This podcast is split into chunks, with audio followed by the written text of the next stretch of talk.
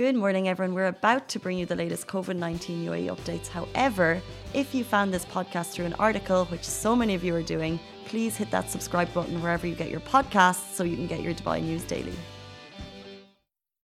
Good morning, everyone. How are you doing? Welcome back to the Lovin Dubai Daily, where we talk about the trending stories in Dubai. Of course, this morning we're going to be talking about the new permit that you do need to leave your home if you don't work in a vital sector. Uh, it's important to cover it because it was one of the biggest stories yesterday, but also there was a bit of confusion because there was a permit a couple of days back which has been removed. Uh, but we'll get into that in a second. We're also going to be talking about some uh, pretty fantastic announcements after a cabinet meeting yesterday, which means that all expired residency visa holders they will actually get exemptions on visa fines until the end of the year. We'll also talk about a mental health campaign, uh, a home marathon. Dubai is having the first one ever in the world happening this weekend.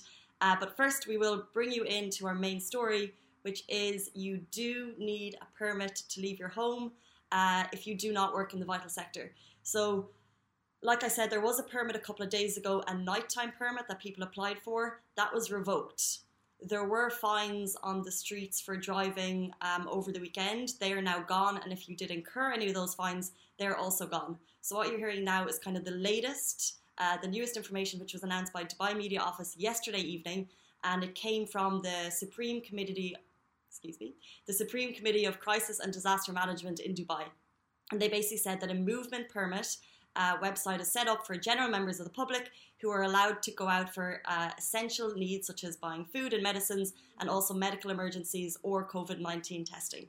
Um, and you can get a permit very easily if you go onto dxbpermit.gov. Uh, I saw a couple of people tried it yesterday. There was a small lagging time because I'm sure everyone was rushing onto the website at the same time. Uh, but if we just wait until we really need the permit, um, I'm sure if we space it out like maybe a little day, uh, hopefully, the website will run a little bit faster.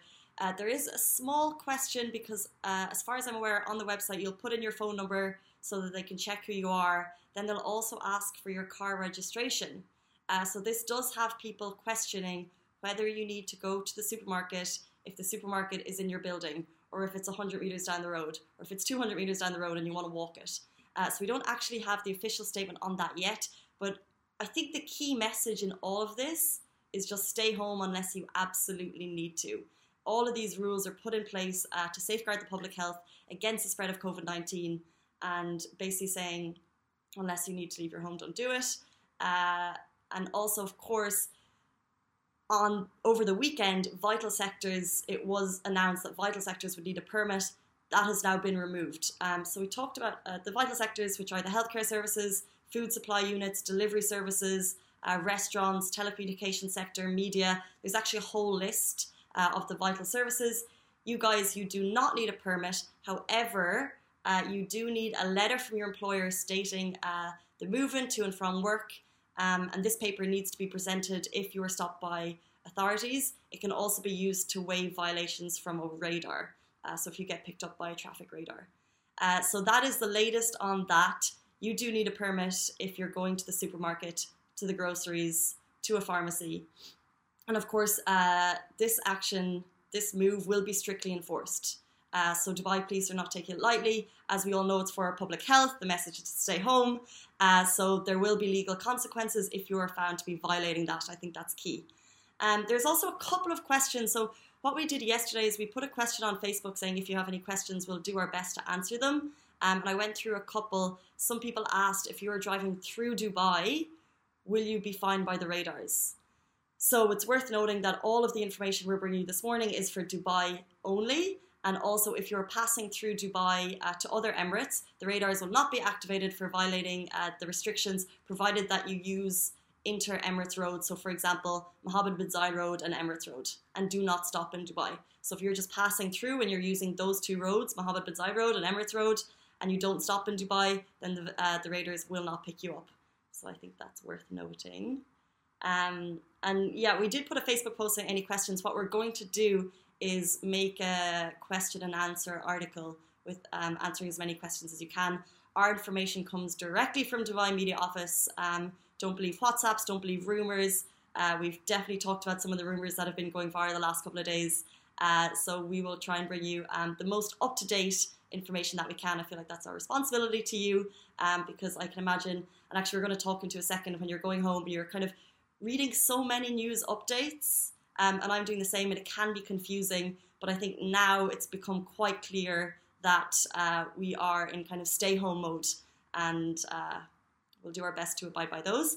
Uh, so also yesterday, moving on, this is kind of be uh, quite a relief if you are a visa holder and your visa holder is expiring because His Highness Sheikh Mohammed bin Rashid Al Maktoum, Vice President and Prime Minister of the UAE and ruler of Dubai, he chaired a cabinet meeting yesterday, remotely of course, and you can see the photos. I always think those photos are very iconic when you see uh, kind of the ruler of Dubai um, and other kind of heads of ministries in their Zoom calls. I think we'll look back at this time and be like, wow, that was pretty special. Um, but so that was the second remote cabinet meeting, and a number um, there was a number of announcements that came from it.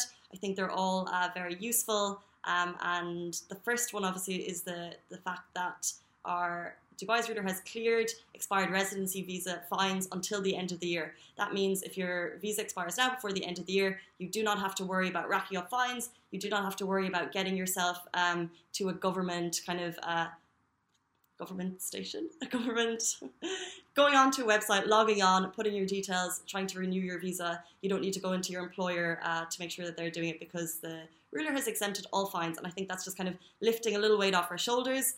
Uh, another announcement they made is that they're also working on strengthening the state stockpile reserves. And they've also asked people, of course, not to panic buy and that the nation's food supply is secure, which I think is very reassuring. And the last announcement that, that was made, I think this is so fantastic, is that they're introducing a campaign for mental health support online.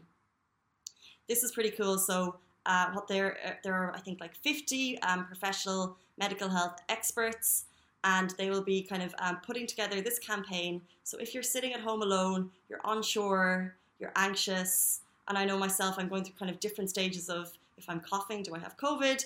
uh, you know, thinking about our families abroad, thinking our families here that we can't see.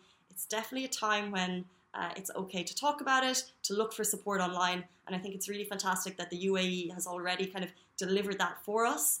Um, so, like I said, 50 mental health care professionals. They're going to kind of support with daily live sessions. So, like this one, but this is news, so this isn't really helping with your anxiety. But uh, that will be kind of daily support from live sessions. You can log in, uh, talk to people, um, there'll also be um, short focused awareness raising videos and also life skill coaches to build you, uh, to help you build your kind of coping skills because obviously our coping skills have changed a lot. So it's amazing that they're putting this on.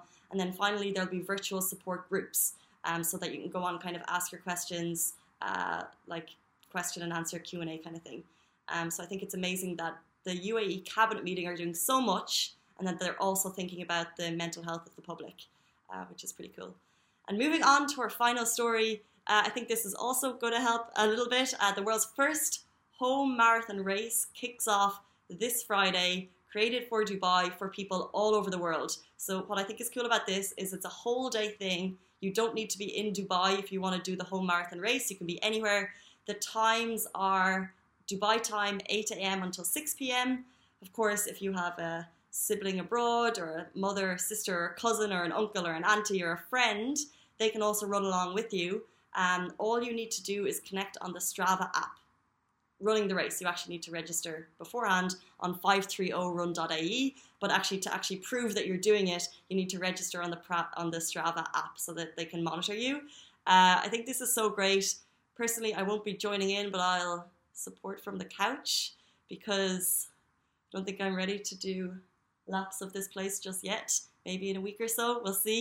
Uh, but I thought it was cool uh, watching other people because obviously people did in Dubai already. Um, we've seen two uh, sets of people running marathons in their apartment, and now it's this whole like community initiative bringing people together. Um, it's on Friday, April 10th. The distance of your apartment, and uh, key thing here is it has to be inside, so you can't do it outside your home. It has to be 42.195 kilometers. And actually, just to kind of put this into perspective, so there was a couple who did it uh, t- two weekends ago, and I think it was a thousand laps of their Dubai Marina apartment. And also, uh, Lee Ryan, the Adidas runner, he did it, and it was 1,400 laps of his garden, 1,407. So I'm just trying to consider, I think it would be like 3,000 laps of, of this place. Um, but I mean, uh, you'd have to count or you'd be checking your. I think it's very cool, um, and I can't wait to see your videos of you guys sharing it. Um, I think it's a great initiative by Dubai. Uh, I'll definitely be watching out for people supporting from the couch. That'll be me. Uh, but good luck to anyone. Um, if you want to get involved, register at 530run.ae. Um, and speaking of videos, we always finish off with our isolation diaries. This is also kind of fitness related. Um, so on Instagram, Chris Corey Wright, he sent this in. Just going to play it first and then see what you guys think of it.